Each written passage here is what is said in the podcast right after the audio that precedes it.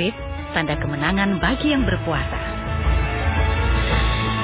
Saatnya menantikan azan maghrib bersama syiar Ramadan. Siaran bersama RRI dan Dompet Duafa.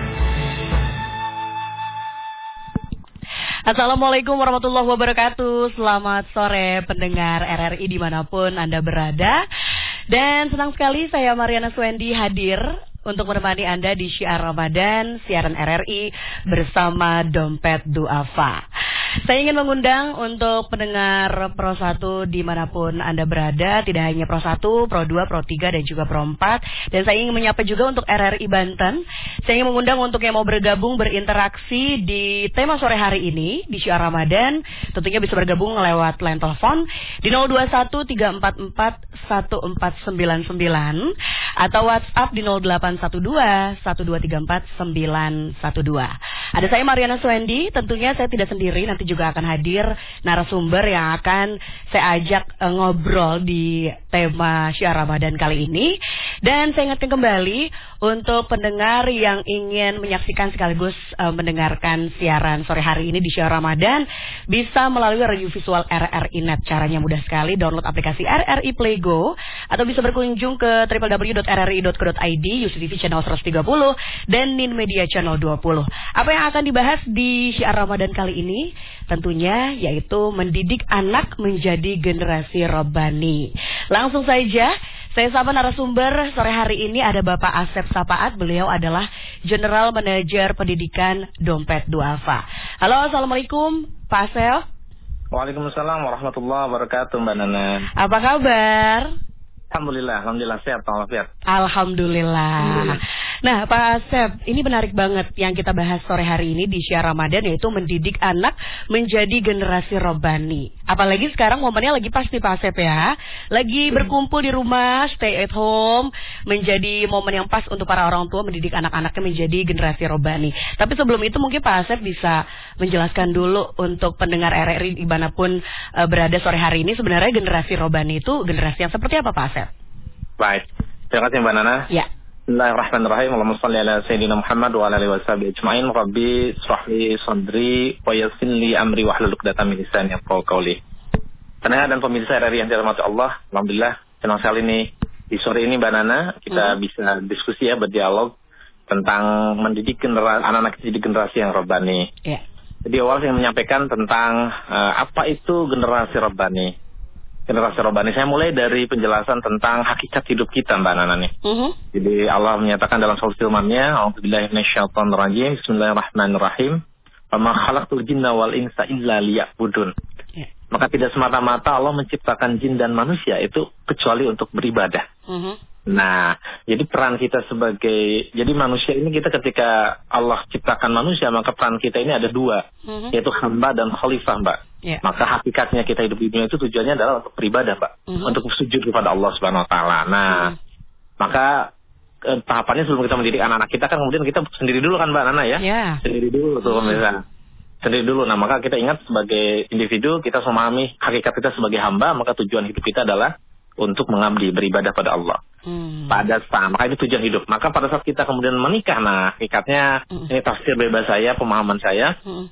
Nah, masa kita menikah, nah tujuannya kan ini ada dua individu yang melakukan mengikat mengikat tali suci gitu ya hmm. lewat pernikahan. Nah hmm. ini jadi maka tujuan pernikahan ini, nah tujuan pernikahan ini kalau tadi tetap saya pikir hakikatnya pada saat kita tadi sendiri kita sujud maka hakikatnya pada saat kita menikah ya. hakikatnya juga sama bedanya kalau kita tadi oh, sebelum menikah sujudnya sendiri, mm-hmm. nah bahasa saya ya, mm-hmm. kalau hari pada saat sudah menikah, nah maka sujudnya bersama-sama berjamaah ada suami dan istri. Mm. Dan kemudian alhamdulillah Allah rezekikan kita putra-putra keturunan, nah maka mm. kemudian katanya sama, mm. maka kita kemudian harus sama-sama sujud, mm. sama-sama beribadah kepada Allah.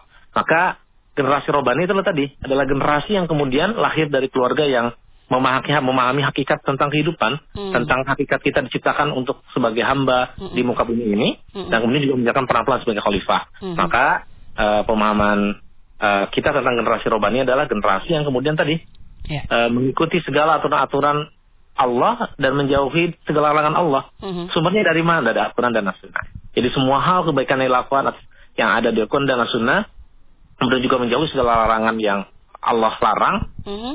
Nah itu itu adalah generasi robani. Jadi hakikatnya itu mbak. Jadi yang menegakkan sholat, yang yeah. bersedekah. Nah itulah generasi yang robani. Dan tentu nanti kita perlu perlu proses untuk cara mendidiknya. Dan uh, hari ini di tengah kondisi pandemi COVID ini menjadi blessing in disguise. Hmm. Nah, jadi ada hikmah terselubung ya mbak ya. Iya. hikmah terselubung ini menarik karena bicara mendidik ini ada beberapa ada dua kata kunci penting. Hmm. Yang pertama adalah kita harus memahami bahwa inti keberhasilan mendidik keluarga itu, mendidik anak-anak kita itu terletak pada kemampuan kita mendidik diri sendiri. Hmm. Mm-hmm. Jadi kalau kita berhasil mendidik diri kita sendiri sebagai orang tua, mm-hmm. insya Allah ada peluang untuk kita bisa mendidik anak-anak kita. Sebaliknya, mm-hmm. kalau kita tidak berhasil mendidik diri kita sebagai orang tua, maka bisa jadi kita juga kesulitan untuk bisa mendidik anak-anak kita. Jadi kata kuncinya adalah keteladanan, Mbak Nana. Wow. Ini penting. Jadi kalau kita menyuruh anak sholat, kita juga nggak sholat, ah. ngaji, menjauhi larangannya kita melakukan yang apa dilarang. Nah itu saya pikir ah, sulit, itu sulit. Iya, nah, berarti nah, harus jadi contoh yang baik dulu ya gitu ya Pak Asep ya. Itu, itu jadi kata kuncinya di situ, Mbak ya. Nana. Baik, saya juga ingin mengajak uh, dan mengundang pendengar RRI di mana pun yang sore hari ini sedang mendengarkan sekaligus menyaksikan radio visual RRNet di Syiar Ramadan nih Pak Asep untuk yang mau berinteraksi, yang mau tanya-tanya sama Pak Asep boleh ya. Bisa telepon di 0213441499 atau WhatsApp di 0812 1234912. Nah, Pak Asep ini berbicara uh, momen Ramadan kali ini memang agak sedikit spesial, bisa dibilang seperti itu ya. Uh, nah, ini keistimewaan Ramadan dalam konteks keluarga seperti apa sih kalau menurut Pak Asep? Nah, hmm. uh, ini menarik. Ya. Uh, jadi Ramadan saat ini jelas sangat berbeda, mm -mm. sangat berbeda ya Mbak, karena tentu tidak seperti kebiasaan umumnya ya Mbak ya. Yeah. Di mana memang uh, kebiasaannya kan kita memang pada saat di bulan Ramadan aktivitas sifatnya jamaah di masjid, sholat yeah. tarawih. Mm -hmm. Jadi ada amal ibadah yang tidak ada di bulan Ramadan ini ada. Nah itu uh, kita menjadi lebih semarak ya karena aktivitasnya kan lebih banyak seperti sholat taraweh gitu ya. Kemudian juga acara-acara termasuk yang sifatnya budaya ya. Ada buka bareng dan lain sebagainya lah saya pikir. Nah hari ini justru kondisinya kita tidak dengan kondisi saat ini kita social distancing malah kita harus di rumah kan. Nah maka kemudian hari ini ini tantangan buat semua keluarga muslim. Yeah. Muslim yang sedang menjalankan saum di bulan Ramadan. Apakah waktu ini akan dibikin jadi spesial atau tetap biasa saja gitu pak. Mm-hmm. Nah pertanyaannya apa yang bikin menjadi spesial? Nah ini penting. Jadi apa yang bikin spesial? Nah yang bikin spesial membuat harus spesial adalah tadi kita seluruh keluarga itu kemudian membuat semacam aktivitas Ramadan ini penuh penuh makna. Mm. Makna yang pertama itu adalah ya kalau kita ingin bisa mendapat maknanya, kalau dia harus ada yang amalan-amalan harus dilakukan. Maka kemudian hari ini saya ingin saya punya dua istilah mbak terkait dengan aktivitas. Ada istilah me time dan aktivitas family time. Mm-hmm.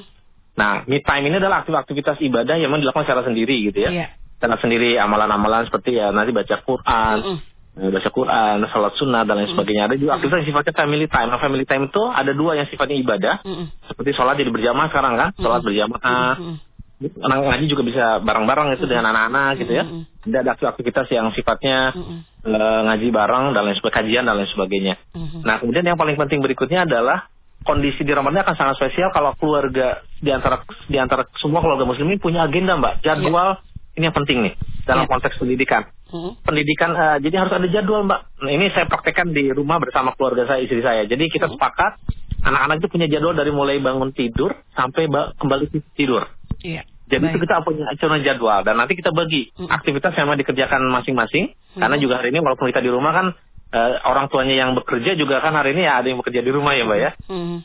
Tapi kemudian yang paling penting adalah tadi anak-anak ada aktivitas-aktivitas yang terukur mbak. Misalkan hmm. ngajinya, target hariannya sudah ada target-target yang terukur. Kemudian juga apa amalan-amalan kebajikan yang anak-anak lakukan itu ya. Yeah. Bantu orang tua kah, mereka belajar kah. Hmm. Nah kemudian itu di, dilakukan dan yang menarik adalah kita kita bikin ini mbak semacam komitmen-komitmen bersama untuk memperkuat amalan-amalan baik kita. Contoh di waktu-waktu tertentu mungkin agak susah tapi di saat momen sekarang jadi penting misalnya saya hmm. di keluarga itu hmm. uh, dengan anak-anak bersepakat memang tidak mudah misalkan tentang menjaga disiplin waktu hmm. sholat misalkan mbak satu contoh sholat jadi hmm. kita tahu ada jadwal azan hmm. maka kemudian kita sepakat 5 atau 10 menit sebelum azan hmm. saat azan itu kita semua sudah break jadi masuk waktu sholat kita hmm. semua break dan kemudian ambil wudhu dan kemudian langsung melakukan sholat sunat dan uh, ngaji nah yeah. setelah itu kemudian kita baru masuk dan saya memimpin sholat berjamaah di keluarga nah itu hal-hal sederhana yang memang penting. Jadi harus ada jadwal yang dibuat oleh bapak ayah dan ibu dan hmm. kemudian nah kami itu ada istilah family time hmm. waktu bersama setelah sholat tarawih mas sebelum tidur hmm. kita ada cerita ngobrol mbak jadi semua hmm. anak-anak hmm. uh, ngumpul kemudian kita melakukan muhasabah mbak refleksi yeah. Baik. Saya punya putri dari mulai anak usia 6 tahun, hmm. yang 7 tahun sampai ada yang 13 tahun itu menarik Mbak. Jadi anak-anak dilatih ada pertanyaan-pertanyaan kunci. Yang pertama, yeah. Apa amalan-amalan baik yang sudah dilakukan di hari ini? Iya. Nanti mereka semua cerita. Kemudian apa perbuatan buruk yang hari ini masih dilakukan, nah, harus diperbaiki. Mm -hmm. Dan besok mau ngapain targetnya. Nah itu jadi yeah. selain dilatih anak untuk percaya diri, untuk menyampaikan, berani menyampaikan, nanti tidak mudah. Itu sesuatu yang jarang sebenarnya saya juga lakukan di momen-momen biasa. Mm -hmm. Tapi di Ramadan ini kemudian jadi dapat, Mbak, kita dapat dapat panahnya dan kita merasa bahwa amal ibadah ini di bulan Ramadan jadi semakin punya makna karena tadi uh, keluarga sama-sama termasuk juga kita harus ngakuin beberapa hal. Uh-huh. uh, jadi kita juga terpacu karena kan tadi misalkan kayak saya harus memimpin sholat-sholat berjamaah hafalan Quran juga kan jadi sangat ini ya jadi anak-anak juga punya hafalan Quran juga cukup cukup banyak lah kita harus ngimbangin juga kan. Anak-anak itu pokoknya menarik lah. Baik. itu jadi punya makna sekali Baik Pak Asep ini di line telepon sudah ada yang ingin berinteraksi sore hari ini. Kita langsung sapa ya. Halo Halo, Assalamualaikum warahmatullahi wabarakatuh. Waalaikumsalam warahmatullahi wabarakatuh. Ada Teh Dinda di Bogor. Apa kabar?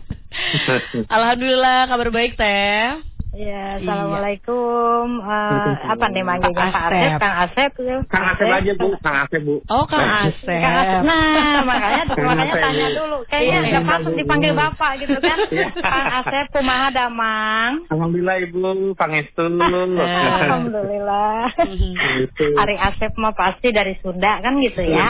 Ah, ah, gitu. Ya, jadi gini Uh, jadi semoga uh, ini hari keberapa ya? Hari 6 ya, hari ke-6 ya. ya. Hmm. Uh, semoga di hari ke-6 uh, puasa Ramadan kita sama-sama uh, diterima Allah Subhanahu wa taala. Amin. Amin. Amin. Mm Kang Asep, uh, jadi cerita-cerita yang eh urayan uh, cerita urayan semua tadi itu sepertinya udah diterapkan deh. Jadi bisa karena biasa. Hmm. Bisa, bi, bisa eh, biasa karena bisa eh kebalik ya kumaha ya gitu ya. Pokoknya gitu. yang tadinya ya. uh, benar.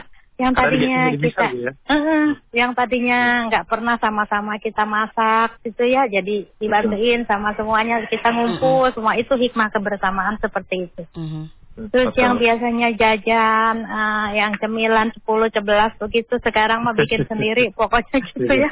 Jadi jadi buah tangan sendiri, jadi lebih teratur gitu ya. Uh, waktunya salat-salat, waktunya makan-makan, dan betul ya Kang, Kang Asep bilang, lima menit sebelum itu sebelum uh, azan, azan kita iya, duduk ya, dan ya seperti sekarang nih Kang Asep. Sekarang kan oh, doa berbuka puasa teh lain ya. Iya. Bukan lain, tapi mungkin uh, apa ya? Jadi yang selama ini kita baca tuh uh, yang untuk sekarang itu beda gitu dan tapi hmm. anak-anak hmm. langsung hafal gitu. Hmm, Jadi itu ke, kebiasaan-kebiasaan yang seperti itu bisa karena biasa. Betul ibu. Hmm. Nah, tanggapannya Kang Asep? Atur nuhun. Terima kasih banyak. Baik. Atur nuhun Teh Dinda. Terima kasih. Mariana. Selamat menjelang uh, berbuka puasa. Iya. Terima kasih Teh. Waalaikumsalam warahmatullahi wabarakatuh. Silakan Kang Asep. Iya, Bu. Iya, gimana tuh? Ibu siapa namanya? Teh Dinda di Bogor. Teh Dinda. Mm. Di Bogor, saya di Bogor juga. Oh, aduh. Alhamdulillah. Iya. Teh Dinda ya, Ibu Dinda, Teh Dinda ya. Iya. Maka Bu, uh, tadi betul memang hmm. momen pembiasaan. Jadi kan dalam pendidikan itu paling penting ada kata kuncinya itu tadi e, Mbak Nana hmm. pen, peneladanan hmm. dari orang tua. Yang kedua pembelajaran sama ya tadi pembiasaan. Hmm. Nah itu harus dilakukan. Jadi hmm. E, memang membentuk itu bahkan ada yang bilang kalau membentuk itu kan hal-hal yang baik ya Mbak ya disiplin, hmm. tanggung jawab, hmm. tadi tepat waktu, disiplin itu waktu terutama, hmm. tanggung jawab, jujur. Jadi anak-anak kan e, di, apalagi saya di sesi yang tadi Mbak muhasabah sebelum tidur. Hmm. Itu lucu ya, terutama yang kedengerin yang paling bungsu tuh. Yeah. cerita aku hari ini baru ngaji selembar tapi hari ini aku nggak ngaji ya.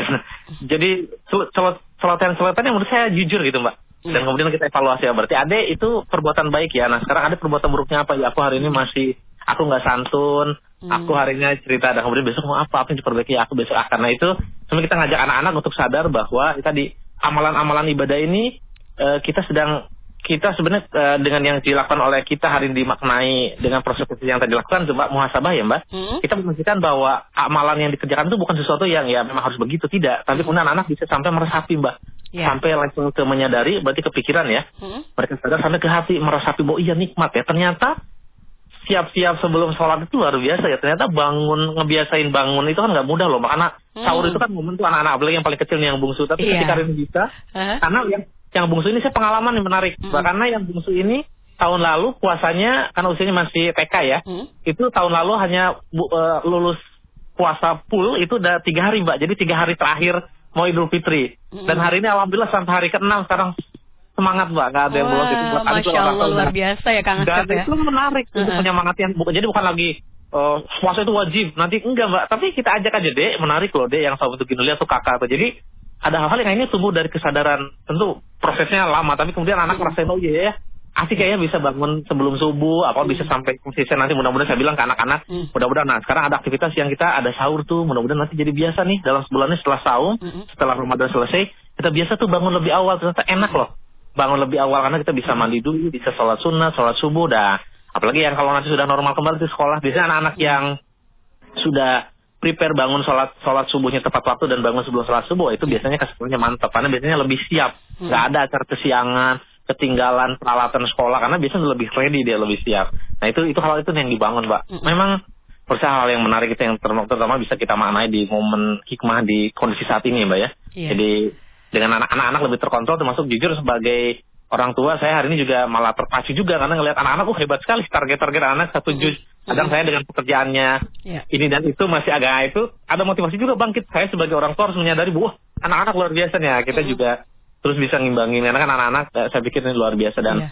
banyak hal juga kadang saya belajar dari tadi mbak mm. uh, satu hal terkait bicara mendidik kadang kita juga uh, saya beberapa hal harus ngakuin harus belajar dari anak-anak termasuk yang anak-anak kita itu anak kita termasuk tadi yang si bungsu yang kemudian hari ini sudah bisa mm -mm. memecahkan rekor saya bilang karena mm -mm. tahun lalu hanya tiga hari sekarang udah enam hari dan atau fight gitu dan e, menikmati senang sekali menjalani puasanya ini sudah buat kami sudah sangat bersyukur sekali mbak. Baik. Ini hal yang luar biasa. Wah Tuh. luar biasa pastinya ya buat anak-anak ya apalagi momennya sekarang anak-anak kan juga lagi menjalani sekolah di rumah ya Kak Asep jadi Waduh. makin menantang gitu buat anak-anak menjalani ibadah puasa. Baik kalau gitu. Cerita tadi mbak jadwal jadi penting mbak. Jadwal saya sudah saya sudah sampaikan jadwal jadi anak-anak itu penting sekali. Iya. Ini kita momen ngelatih anak-anak untuk disiplin dan tanggung jawab, Mbak. Jadi nah. mereka punya tanggung jawab pada dirinya sendiri. Iya, baik. Kang Asep, kita break dulu lagu ya. Break dulu, Benar. nanti kita lanjutin lagi. Oh, Tapi yang pasti untuk pendengar di mana pun Anda berada sore hari ini yang sedang menyaksikan RRI Net dan juga sedang mendengarkan Syiar Ramadan, saya undang kembali untuk bergabung yang mau berinteraksi dengan Kang Asep. Silahkan bisa telepon di 021 344 1499 atau WhatsApp di 0812 1234912. Saya akan kembali setelah yang berikut ini tetap di Syiar Ramadan. Syiar Ramadan, siaran bersama RRI dan Dompet Duafa. Ya, pendengar RRI di mana pun Anda berada sore hari ini Saya masih menemani di Syiar Ramadan Dan tentunya saya masih membahas yaitu mendidik anak menjadi generasi robani. Dan telepon juga masih tergabung oleh narasumber yang masih menemani saya yaitu ada Kang Asep Sapaat atau Bapak Asep ya. Dari uh, Dompet Duafa beliau adalah General Manager Pendidikan Dompet Duafa. Halo, Kang Asep. Ya, Mbak Nana. Iya. Masih setia di sana ya? Masih setia, Luar biasa. Dan kita masih membahas mendidik anak menjadi generasi robani nih, uh, Kang Asep. Di WhatsApp sudah ada beberapa yang ingin saya sapa. Kita sapa dulu Kang Asep ya. Ini ada Anggian di Medan. Horas Medan. Assalamualaikum kata Mbak Nana dan Pak Asep. Bagaimana parameter penilaian generasi robani terkait perilaku milenial yang penuh dengan interaksi digital seperti saat sekarang ini jika direfleksikan dalam tinjauan budaya kehidupan Kurani katanya. Karena secara praktis teknologi digital ini telah mentrans mentranslasikan banyak budaya Nah, mm -hmm. seperti apa e, cara bersilaturahmi dan lain sebagainya. Seperti itu, e, Kang Asep. Tapi sebelum kita menjawab Anggian di line telepon, sudah ada yang ikut berinteraksi juga. Kita sapa dulu di line telepon ya, Kang Asep. Ya. Halo. Ya. Halo. Halo. Selamat Halo juga. Sore, Assalamualaikum. Waalaikumsalam warahmatullahi wabarakatuh. Iya, ada Pak Rubin. Iya. Di Brebes. Biasa. Silakan Pak Rubin ya. dengan Kang Asep. Assalamualaikum Ustaz kita, Kang Asep. Waalaikumsalam warahmatullahi ya. wabarakatuh, Pak Rubin. Ya, cukup menarik tadi judulnya jadi mendidik anak menjadi anak robani ya. Iya, generasi robani. Generasi robani ya. Intinya adalah tadi keteladanan atau keteladanan contoh dari kita. Mm. Nah, keteladanan yang dimaksud di sini keteladanan di bidang apa saja. Jadi mm. apakah dari tiga hak kita atau dari hati, dari hati kita? Karena memang mm. secara umum kita mengetahui bahwa kata para ahli kan mengatakan bahwa mendidik dan mengajar bukan yang ia kehendaki atau yang ia maui, tetapi hmm. mendidik dan mengajar yang ia punyai. Hmm. Alhasil apa yang dimaksud demikian Pak Asep? Hmm. Terima kasih. Wassalamualaikum warahmatullahi wabarakatuh. Waalaikumsalam warahmatullahi wabarakatuh. Pak Rubin, terima kasih Pak Rubin sudah ikut bergabung. Nah, gimana nih Kang Asep? Uh, mau menanggapi Pak Rubin dulu ya di lentosan yang baru nanti Agian. Anggian. Anggian betul. Hmm. Arubin terima kasih banyak nih pertanyaannya ini bahan renungan juga sebenarnya untuk uh, saya dan kita semua. Mm -hmm. uh, tadi bicara soal ini ya, uh, beliau tadi sampaikan tentang mendidik betul. Itu kan sesuai dengan fitrahnya ya anak-anak ya. Mm -hmm. Termasuk keteladanan tadi ya, keteladanan ini seperti apa. Yeah. Uh, nah ya, yang saya pahami begini Pak Rubin. Jadi uh, memang keteladanan ini menurut saya menyeluruh ya. Saya kadang saya punya ilmu dari guru saya itu ada pepatah Melayu itu menyampaikan menarik sekali. Jadi mencari ilmu itu dengan ilmu hmm. mempraktekkan ilmu dengan akhlak, meluruskan ilmu dengan iman. Yeah. Jadi ada unsur iman, ilmu dan akhlak. Hmm. Nah, e, kalau saya menggunakan mengacu pada tadi pepatah Melayu tadi ini kamsil, hmm. orang tua orang tua Melayu kita dulu mbak. Jadi eh, saya pikir orang tua kita harus punya ketelanan dalam dalam aspek tadi, dalam aspek uh, perilaku, uh, dalam aspek pikiran dulu ya. Yeah. Ilmu kita harus punya ilmu yang juga relatif banyak karena jelas dalam keterangan Quran mm. kalau kita ingin ditinggikan derajatnya oleh Allah maka kita harus punya iman dan ilmu yang sama baiknya gitu mbak. Mm-hmm. Jadi nggak bisa salah satunya. Jadi harus imannya baik, ilmunya baik. Karena tadi kan disampaikan kalau kita ilmunya ilmu saja pintar, pintar saja. Ntar kalau nggak punya imannya, ah, nanti itu jadi kalaupun pintar khawatirnya jadi minterin orang. Gitu. Mm-hmm. Nah ini kan ada hal-hal yang kaidah-kaidah yang saya pikir uh, perlu gitu ilmunya juga makin baik, tapi yeah. juga akhlaknya juga baik. Mm-hmm. Karena nanti kalau salah satu nggak ketemu nanti jadinya gitu tadi makin pintar sombong. Kan mestinya makin mm-hmm. pintar rendah hati. Yeah. Kenapa makin pintar rendah hati? karena memahami bahwa ilmu ini adalah titipan Allah. Enggak. Jadi kita ini ya itu titipan Allah. Jadi enggak enggak akan pernah ada rasa semakin kita pintar kita semakin sombong. Iya. Semakin kita punya jabatan, semakin semena-mena. Oh tidak, kalau orang yang punya imannya baik, dia jabatannya tinggi, dia akan gunakan jabatannya itu untuk memberikan manfaat buat orang lain. Nah, jadi mm. keteladanan itu saya pikir uh, utuh Pak ya, Pak, Ru, Pak Rubin. Jadi saya pikir dari mulai ilmu kita juga kita ilmunya harus tadi semangat belajar juga harus tinggi. Belajar apa? Belajar ilmu-ilmu agama, mm belajar ilmu-ilmu kehidupan yeah. yang bermanfaat untuk hidup kita, mm yang bisa menjaga kita untuk bisa tadi meraih keberhasilan-keberhasilan di dunia maupun di akhirat kelak. Mm Nah, jadi itu tadi. Jadi uh, keteladanan dalam aspek uh, ilmu kita, kemudian dalam akhlak perilaku. mm Karena juga ini bahan renungan. Kadang saya merenung. Belum tentu orang tua itu perilakunya lebih baik dari anak-anak kita gitu kan anak kita yang baru anak kelas 1 SD ini belum tentu mbak karena ini proses ya mm-hmm. kan hari ini faktanya juga kan faktanya juga hari ini ada anak-anak yang mm-hmm. barangkali dari segi akhlak perilaku lebih baik dari orang tua ini kan banyak mm-hmm. faktor tapi itu dimungkinkan itu dimungkinkan nah, mm-hmm. artinya bahwa kalau bicara soal akhlak ini kembali ke bagaimana kita terus mau belajar mengkaji diri sendiri sebenarnya mm-hmm. mengkaji diri sendiri ya Al-Quran dan Sunnah kemudian tentang diri kita karena kan kalau menurut saya setinggi apa pun ilmu agama kita itu mm-hmm. nanti yang paling penting adalah bentuk dalam bentuk akhlak perilaku sehari-hari. Mm. Dengan sholat kita, apakah sholat kita sholat, perilaku kita jadi makin baik, mm. makin sabar, makin peduli pada orang lain. Nah itu amalan-amalan yang terpancar setelah itu mbak. Jadi mm. harapannya amal-amal ibadah itu tidak hanya sekedar yang sifatnya individu, tapi kemudian bisa berdampak pada orang-orang di sekitar kita. Nah itulah mm. Penting. Jadi saya pikir bicara keteladan tadi utuh pak ya. Dan ya. tidak jawabannya tidak satu-satunya Pak, Pak Rubin tadi ya Mbak? Iya Pak Rubin.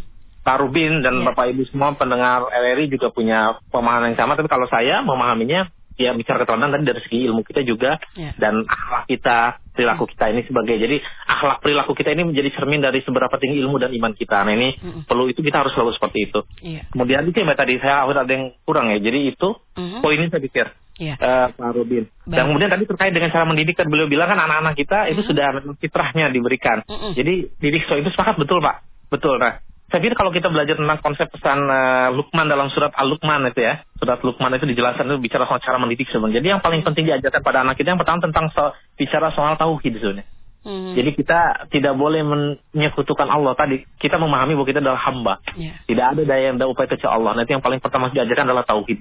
Yeah. Keesaan Allah bahwa kita ini adalah uh, ada yang menciptakan kita dan kita itu harus tadi sujud hidup kita di dunia ini tujuannya adalah untuk semata-mata beribadah kepada Allah Subhanahu wa taala. Maka hmm. eh, yang penting diajarkan itu paling penting adalah tentang tauhid, hmm. kemudian juga tentang sholat, Mbak. Itu hmm. penting hal yang dasar hmm. uh, dasar tentang sholat. Kemudian tadi melakukan uh, amal-amal kebajikan. Nah, kalau bicara konteksnya mendidik anak-anak kita, yang dimaksud Pak Rubin, mohon maaf kalau saya keliru, tapi tadi pemahaman saya adalah terkait hal-hal yang kita sadarkan anak-anak kita tentang hakikat hidup ini apa. Jadi ada tiga pertanyaan harus dijawab dan harus di dibantu anak-anak itu supaya memahami tiga pertanyaan ini bisa jawab pertanyaan ini uh-huh. tentang dari mana kita berasal sebenarnya untuk apa kita hidup dan akan ke mana kita kembali. Uh-huh. Nah ujung-ujung tauhid nanti keesaan kita kepada Allah bahwa kita adalah hamba. Yang kedua ajarkan tentang sholat, didikanlah sholat dan amal-amal lainnya. Nah bicara konteks nanti pengembangan diri anak-anak kita. Nah itu tadi saya sepakat dengan Farwin masuk tentang anak-anak itu sebenarnya sudah ada di fitrahnya. Jadi kalau kita sudah yang penting dasarnya anak-anak tidak sadarkan tentang bahwa kalau bahasa singkatnya gini mbak anak-anak bisa memahami bahwa kita ini hidup dengan dua peran sebagai hamba maka kita adalah untuk ibadah dan sebagai khalifah. Nah khalifah ini kan terjemahannya banyak mbak. Yeah. Dia mau nanti jadi atlet, mau jadi pengusaha, menjadi apa pun. Tapi ingat bahwa apa pun yang kita jalankan peran kita adalah dua. Selalu hmm. kerjakan apa yang Allah perintahkan dan jauhi apa yang Allah tidak kendaki. Baik. Insya Allah di posisi apa pun itu akan baik. Ya. Kira-kira gitu mbak. Ya. Kang Asep ini Anggian di ya. Medan juga tadi kan uh, punya pertanyaan ya di WhatsApp ya. ya. Katanya ya, cara ya, untuk uh, bersilaturahmi dan lain sebagainya nih di tengah kemajuan teknologi khususnya untuk anak-anak karena bagaimanapun juga nih katanya uh, kalau menurut Anggian di Medan ini teknologi sudah mempengaruhi anak-anak nih saat ini. Seperti apa Kang Asep? Ya. Uh, silaturahim, nah silaturahim hmm. itu kan kata kuncinya adalah ya uh, silaturahim itu intinya kan adalah berkasih sayang, Mbak ya. Saling hmm. berpeduli, saling mendoakan ini saat memang ada penelitian menarik, Mbak. Hmm. Uh, saya lupa ini. Jadi penelitian itu ternyata ada uh, silaturahim ketemu, Pak, jumpa hmm. langsung. Itu hmm. terutama dengan orang sahabat lama, kawan lama, saudara, hmm. keluarga. Hmm. Itu tentu bisa menambah imunitas tubuh, Mbak. Termasuk hmm. bisa menambah tadi rasa ada ada hormon-hormon di tubuh kita tentang rasa kasih sayang, cinta itu bertambah, Mbak. Dan itu bisa meningkatkan imun tubuh. Hmm. Nah, saya pikir uh, memang salah satu nah hari ini kan bicara soal metodologinya mbak. Kan kalau zaman dulu mari kita perhatikan kalau orang orang tua kita zaman dulu ini pola pertemanan. Orang tua kita zaman dulu itu bisa teman-temannya nggak terlalu banyak ya mbak ya? Yeah. temannya itu sahabatnya ada tiga empat bisa dihitung jari. Tapi ikatan itu kuat banget. Mm -hmm. dan saya itu lihat dari kakek saya yang masih cerita aja gitu ya. Mm -hmm. sampai terakhir beliau wafat itu masih cerita dulu teman-teman kakek sudah meninggal semua, tapi temennya hari ini ada yang dulu cerita tentang banyak hal. Jadi teman-teman itu disebutin tuh nama-nama itu, saya masih ingat tuh nama-namanya. Delapan nggak sampai delapan sepuluh orang gitu, dan namanya itu saja. Nah jadi yang paling penting dari istilah esensi silaturahim adalah tadi mbak merekatkan yeah. hubungan itu dan saling ambil manfaat dari pertemuan-pertemuan kita. Apakah silaturahim itu bentuknya kan bisa uh, diskusi gitu ya mbak, kajian, belajar, termasuk sekolah juga ada silaturahim, kan ketemu gitu mbak. Yeah. Nah, tinggal hari metodologi ada dua kan pendekatan anak milenial sekarang kan sebenarnya sebelum terjadi covid juga memang pendekatannya biasanya, hmm. nah anak-anak sekarang kan biasanya banyak, eh teman-temannya banyak banget, tapi bisa tidak mendalam badan pendekatan kan bisa menggunakan yeah. teknologi ya mbak ya. Yeah, tapi saya pikir tadi betul mbak. Tapi saya pikir hari ini paling penting adalah uh, silaturahimnya. Jadi silaturahim hmm. bisa dilakukan dalam hmm. bentuk apa pun. Yeah. Bisa dalam bentuk kita ketemu, dalam bentuk hari ini kondisi hari ini kan kita nggak boleh ketemu, jadinya hmm. bisa lewat online. Hmm. Sekarang yang lebih populer kan lewat ngobrol lewat WhatsApp, barangkali Zoom. Ah, banyak sekali fasilitas kita iya. ngobrol-ngobrol seperti Google, hmm. Meet gitu ya. Tapi yang paling penting hari ini, nah, yang paling penting adalah uh, kita pastikan, kita niatkan bahwa silaturahim ini uh, niat kita silaturahim ini memang hal-hal baik, bermanfaat. Misalkan tadi dengan teman-teman kumpul ngobrol-ngobrol di online pastikan yang ada kaitannya dengan nama ilmu kita bikin kita makin soleh. Cari komunitas yang bikin kita juga makin memahami hidup kita sebagai hamba dan lain sebagainya. Baik nah, kalau ini, gitu. ini poinnya di situ mbak. Iya, nah, baik iya. kalau gitu. Wah kang Asep pada menarik banget nih yang kita bahas sore hari ini tapi waktu uh, sepertinya sudah, uh, sudah harus uh, apa namanya menutup uh, obrolan kita sore hari ini mendidik ya, anak menjadi generasi rabani. Tapi nggak apa-apa semoga yang tadi sudah disampaikan kang Asep walaupun singkat tapi bisa memberikan banyak masukan-masukan uh, untuk para orang tua yang saat ini sedang mendidik ya. anak anak-anaknya. Baik kalau gitu. Terima kasih Kang Asep Hatur Nuhun sudah hadir di Syiar Ramadan. Sukses selalu salam untuk keluarga. Assalamualaikum. Waalaikumsalam warahmatullahi wabarakatuh. Baik, uh, pendengar di mana pun Anda berada, tadi sudah hadir Asep Sapaat, General Manager Pendidikan dari Dompet Wafa. Dan tentunya uh, saya masih menemani pendengar, tapi yang pasti untuk uh, pendengar dan pemirsa RRI Net, sampai bertemu lagi besok jelang berbuka puasa. Selamat menjelang beduk berbuka puasa. Wassalamualaikum warahmatullahi wabarakatuh. Telah kita ikuti syiar Ramadan, siaran bersama RRI dan Dompet Duafa.